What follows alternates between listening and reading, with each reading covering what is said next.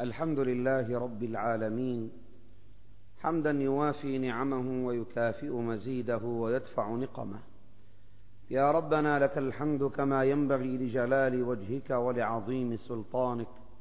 سبحانك لا نحصي ثناء عليك أنت كما أثنيت على نفسك.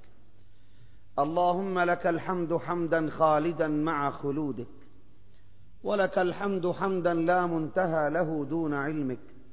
ولك الحمد حمدا لا منتهى له دون مشيئتك. ولك الحمد حمدا لا أجر لقائله إلا رضاك.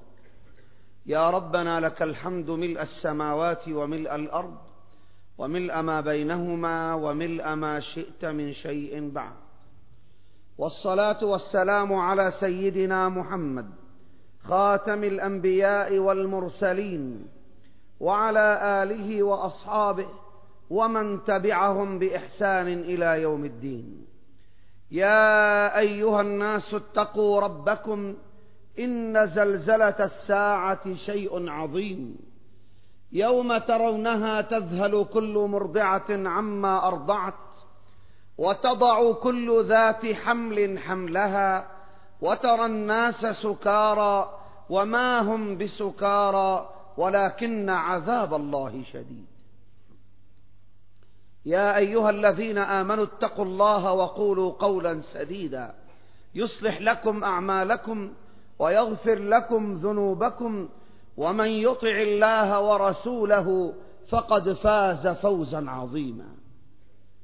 وبعد يا معاشر الإخوة ففي الثنائيات التي قدمنا بها منذ أسابيع ماضية بدأنا بالمبادئ والمصالح وبالجسد والروح والعقيدة والشريعة والأصالة والمعاصرة والحق والباطل والدنيا والآخرة والعسر واليسر والنصر والهزيمة والعدل والظلم وكان آخر ما تكلمنا عنه عن الشكل والمضمون واليوم في حيز جديد في هذه الثنائيات اسمه أو اسم خطبتنا في هذا اليوم العلم والعمل.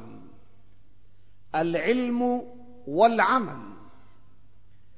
يعرف العلماء العلم بأنه إدراك الشيء على ما هو عليه في الواقع بدليل.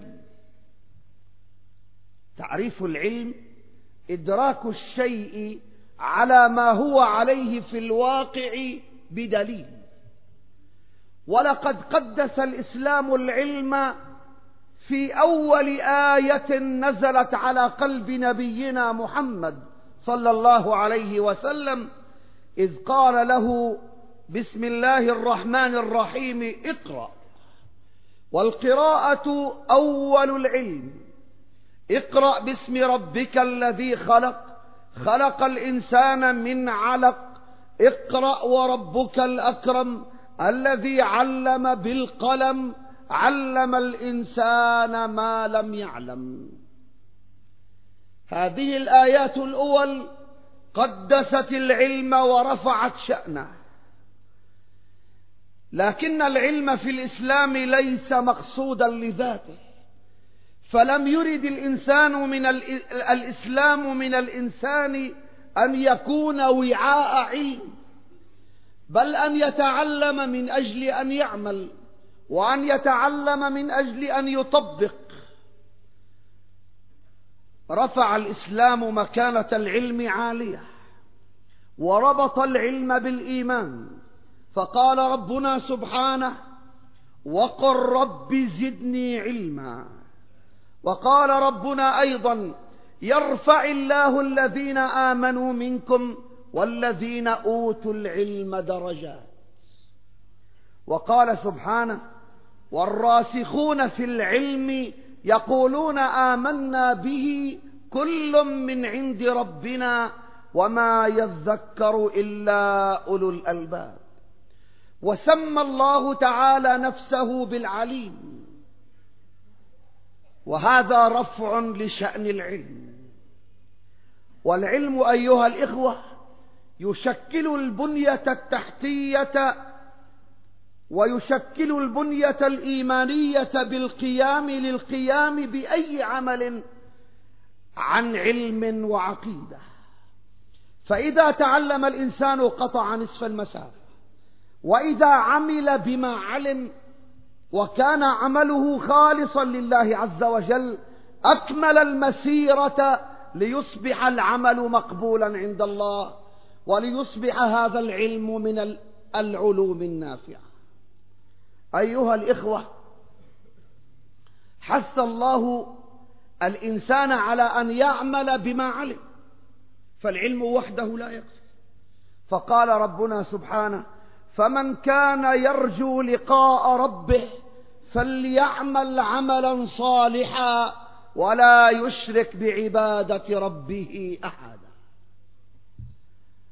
وبعد ذلك عاب الله عز وجل على الذين يتعلمون ثم لا يعملون.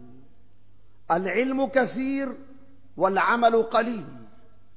فقال الله عز وجل في القرآن الكريم وهذا أبرز مثال على من كان وعاء لعلم ثم لم يطبق ذلك العلم أو لم ينتفع بعلمه. فالعلم في الإسلام والعمل صنوان متكاملان لا ينفك أحدهما عن الآخر. فعمل بغير علم لا ينفع الإنسان لأنه لأن عمله خاطئ. وعلم بدون عمل أيضا لا ينفع الإنسان لأنه تعلم ولم يعمل فالعبرة بالعمل المخلص لله تعالى. قال الله عز وجل في سورة الجمعة أعوذ بالله من الشيطان الرجيم مثل الذين حملوا التوراة ثم لم يحملوها كمثل الحمار يحمل أسفارا. شبه الله عز وجل بني إسرائيل الذين أخذوا التوراة فعلموها ولم يعملوا بها شبه الواحد منهم بالحمار الذي يحمل على ظهره كتب لكنه لا يعلم ماذا في هذه الكتب. لا يعلم قيمة هذه الكتب ولا يعمل بما فيها. فهو لا يفرق بين الزبل والكتاب. كمثل الحمار يحمل أسفارا. ونزلت هذه الآيات أيها السادة في معرض الحديث عن خطبة للجمعة كان الرسول الأعظم واقفا فيها على المنبر وبينه وحوله أصحابه الكرام يسمعون خطبة الجمعة. فإذا بطبول القافلة التي أتت بالتجارة تقرأ. تجارة قافلة أتت من الشام سمع من في المسجد صوت القافلة وصوت التجارة التي أتت. فإذا بهم يتركون المسجد ويتركون النبي يخطب على المنبر ويتركون المسجد إلى تجارتهم. فأنزل الله عز وجل هذه السورة سماها بسورة الجمعة. وأنزل فيها هذا المثال. مثل الذين حملوا التوراة ثم لم يحملوها كمثل الحمار يحمل أسفارا. بئس مثل القوم الذين كذبوا بآياتنا. فاقصص القصص لعلهم يتفكرون. بئس مثل القوم الذين كذبوا بآياتنا. ثم جاء بعد ذلك قوله تعالى يا أيها الذين آمنوا إذا نودي للصلاة من يوم الجمعة فاسعوا إلى ذكر الله وذروا البيع. ذلكم خير لكم إن كنتم تعلمون. فإذا قضيت الصلاة فانتشروا في الأرض وابتغوا من فضل الله واذكروا الله كثيرا لعلكم تفلحون. وإذا رأوا تجارة أو لهوا انفضوا إليها وتركوك قائما قل ما عند الله خير من اللهو ومن التجارة والله خير الرازقين. بعض الروايات تقول غادر كل من في المجلس غادر كل من في خطبة الجمعة ولم يبق مع النبي إلا اثنا عشر رجلا. ولذلك قال النبي بعد ذلك من تكلم يوم الجمعة والإمام يخطب حكم عرفيه من تكلم يوم الجمعة والإمام يخطب فهو كمثل الحمار يحمل أسفارا. والذي يقول له أنصت قال له لا تحكي يا أخي والذي يقول له أنصت ليس له جمعة. إذا شبه النبي عليه الصلاة والسلام بمن يتكلم يوم الجمعة والإمام يخطب كمثل الحمار يحمل أسفاره وكأنه به يقول له عليه الصلاة والسلام هذا علم يلقى إليك أيها المصلي فإياك أن تعرض عنه إلى شيء آخر من متاع الدنيا أو غير ذلك فهو كمثل الحمار يحمل أسفاره. والحديث مروي في مسند الإمام أحمد رضي الله تعالى عنه وعن ابن عباس عليه رضوان الله. هذا مثال أول. علم أخذوا العلم الحمار يحمل علما ولكنه لم ينتفع به. بنو إسرائيل حملوا التوراة وأخذوها وتعلموها لكنهم لم يعملوا بها. وضرب الله لنا مثلا آخر في القرآن. ورد في سورة الأعراف بقول الله سبحانه واتل عليهم نبأ الذي آتيناه آياتنا فانسلخ منها فأتبعه الشيطان فكان من الغاوين ولو شئنا لرفعناه بها ولكنه أخلد إلى الأرض واتبع هواه فمثله كمثل الكلب إن تحمل عليه يلهث أو تتركه يلهث ذلك مثل القوم الذين كذبوا بآياتنا فاقصص القصص لعلهم يتفكرون.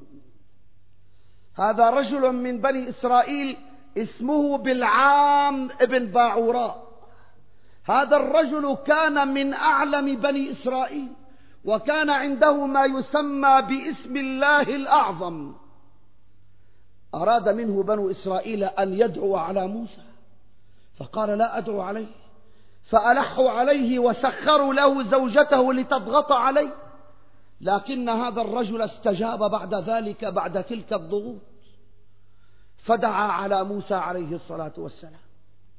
فأنزل الله فيه هذه الآيات في قرآننا من أجل أن نعلمها جميعا. واتل عليهم نبأ الذي آتيناه آياتنا فانسلخ منها فأتبعه الشيطان فكان من الغاوين. ولو شئنا لرفعناه بها ولكنه أخلد إلى الأرض واتبع هواه فمثله كمثل الكلب. هناك شبهه بالحمار وهنا شبهه بماذا؟ بالكلب. فمثله كمثل الكلب إن تحمل عليه يلهث أو تتركه يلهث ذلك مثل القوم الذين كذبوا بآياتنا فاقصص القصص لعلهم يتفكرون. يا معاشر الإخوة إذا كثر علم الإنسان وقل عمله خيف عليه أن يلحق أو, أو أن يلحق بالحمار أو بالكلب. لذلك إذا تعلم عليه أن يطبق ما علم. فكم من إنسان ينظر عليك ويعلمك فإذا به لا يطبق. وكم من إنسان يبيعك وطنيات ثم هو أقل الناس حبا لوطنه. كم من إنسان يعلمك الصدق وهو أقل الناس صدقا. وكم من إنسان يعلمك الأمانة وهو أول خائنا في عمله. الكلام كثير أيها السادة والعلم كثير لكن العمل قليل. لكن العمل قليل. قال الله سبحانه وتعالى عن أولئك الذين تعلموا ثم انحرفوا بعد علمهم ولما جاءهم كتاب من عند الله مصدق لما معهم وكانوا من قبل يستفتحون على الذين كفروا فلما جاءهم ما عرفوا كفروا به فلعنة الله على الكافرين. وقال تعالى يا أهل الكتاب لم تلبسون الحق بالباطل وتكتمون الحق وأنتم تعلمون. وقال ربنا سبحانه وإن منهم لفريقا يلوون ألسنتهم بالكتاب لتحسبوه من الكتاب وما هو من الكتاب ويقولون هو من عند الله وما هو من عند الله ويقولون على الله الكذب وهم يعلمون. وقال ربنا سبحانه أفرأيت من اتخذ إلهه هواه وأضله الله على علم لذلك أيها الإخوة كان الأنبياء أكثر الناس علما وكانوا أكثر الناس تطبيقا. وإننا في معرض ذكرى مولد النبي محمد صلى الله عليه وسلم التي نعيش أيامها في هذه الأيام. ذكرى المولد النبوي لنتذكر رسول الله صلى الله عليه وسلم وهو أكثر الناس تطبيقا لما يقول. فكان يقوم الليل حتى تتفطر قدماه. وتسأله السيدة عائشة لم تفعل هذا يا رسول الله؟ وقد غفر الله لك ما تقدم من ذنبك وما تأخر. قال يا عائشة أفلا أكون عبدا شكورا؟ كان يعلم الأخلاق فإذا هو أعظم الناس أخلاقا. كان يعلم الصدق والأمانة فإذا هو بالصادق الأمين. لذلك عليه الصلاة والسلام انزعج كثيرا عندما رأى بعض الناس يتعلمون من أجل العلم فقط لا من أجل العمل. فقال عليه الصلاة والسلام من تعلم العلم ليماري به السفهاء أو ليجادل به العلماء لم يقبل الله له لم يقبل الله منه صرفا ولا عدلا يوم القيامة. وقال عليه الصلاة والسلام أيضا من تعلم العلم ليباهي به العلماء أو ليماري به السفهاء فهو في النار. وقال عليه الصلاة والسلام اعلموا ما شئتم أن تعلموا. ماذا تعلموا فلن يؤجركم الله حتى تعملوا. العمل مع الإخلاص هو زبدة العلم فلا ينفع علم بدون عمل. ولذلك قال الشاعر رحمه الله فلو كان العلم فلو كان العلم من غير التقى شرف لكان أعلم خلق الله إبليس. إبليس أعلم واحد بالدنيا. ولكنه ولكنه إبليس في النار. لو كان العلم من غير التقى شرف لكان أعلم خلق الله إبليس. وقال الشاعر رحمه الله وعالم بعلمه لم يعملا معذب من قبل عباد الوثن إذا علم ولم يعمل فهو معذب من قبل عباد الوثن. ووعد الله عز وجل الذين يعلمون ثم يعملون بأن يرزقهم الله العلم. فقال ربنا سبحانه واتقوا الله ويعلمكم الله. اتقوا الله. يا أيها من يا أيها الذين آمنوا قال تعالى واتقوا الله ويعلمكم الله. وقال الله عز وجل يا أيها الذين آمنوا لم تقولون ما لا تفعلون؟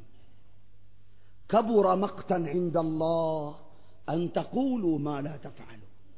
كلام كثير يجلس معك ساعة يحدثك بعلم الأولين والآخرين ثم تنظر إلى أعماله فإذا هي غير ذلك. ولذلك أيها السادة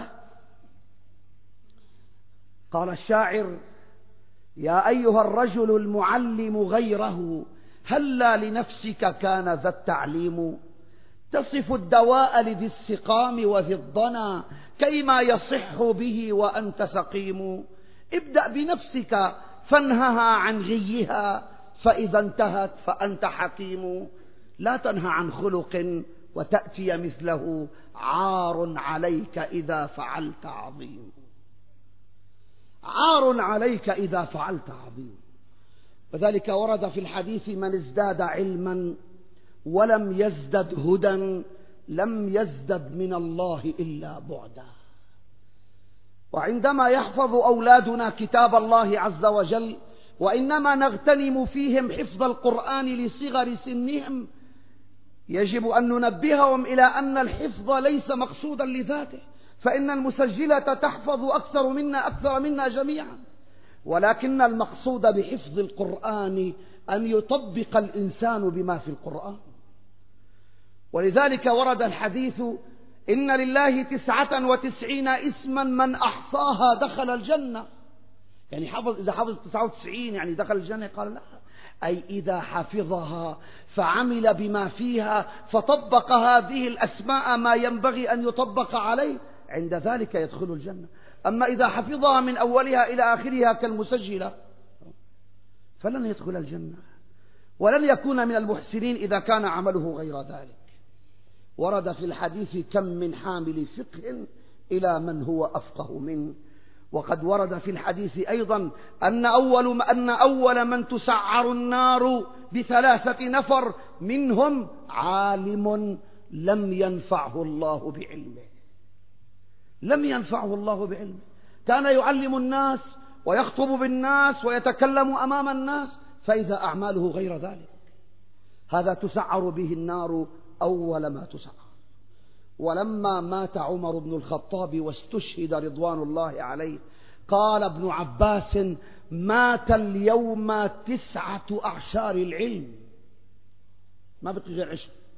فقالوا يا يا ابن, عب يا ابن مسعود كيف تقول ذلك؟ وفينا أجلة الصحابة فينا ابن عباس أعلم من عمر.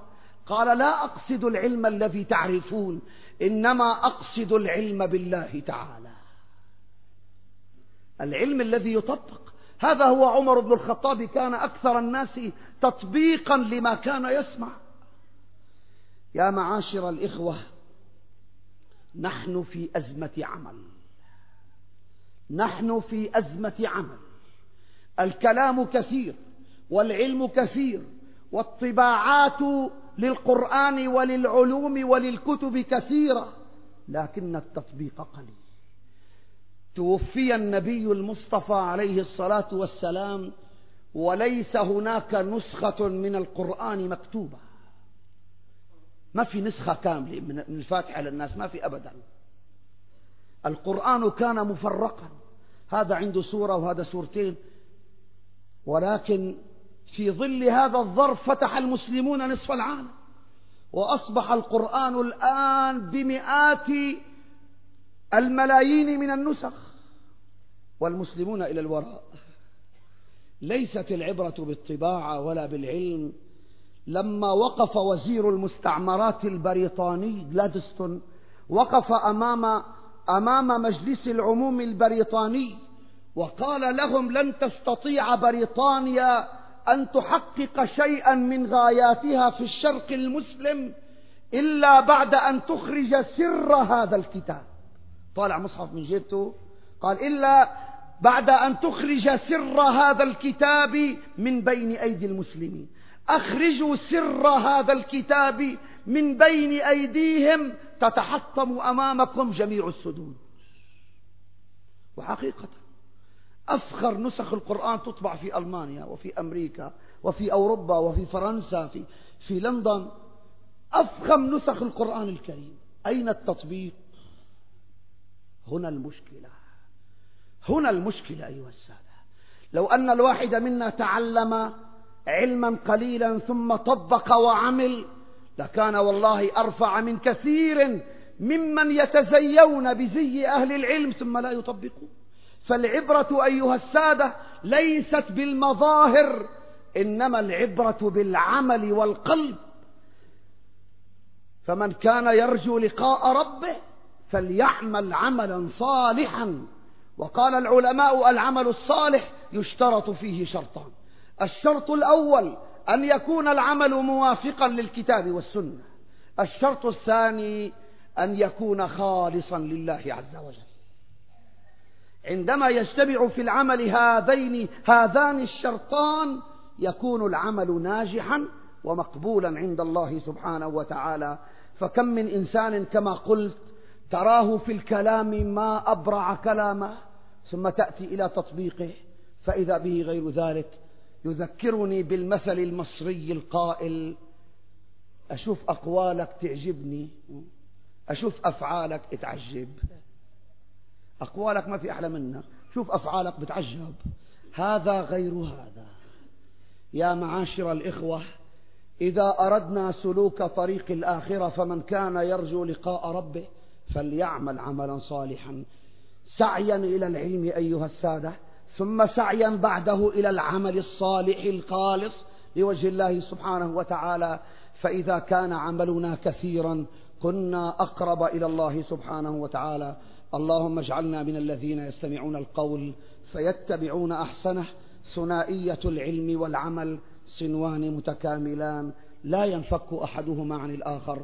اللهم اجعلنا هادين مهديين غير ضالين ولا مضلين. بفضلك وكرمك يا أكرم الأكرمين.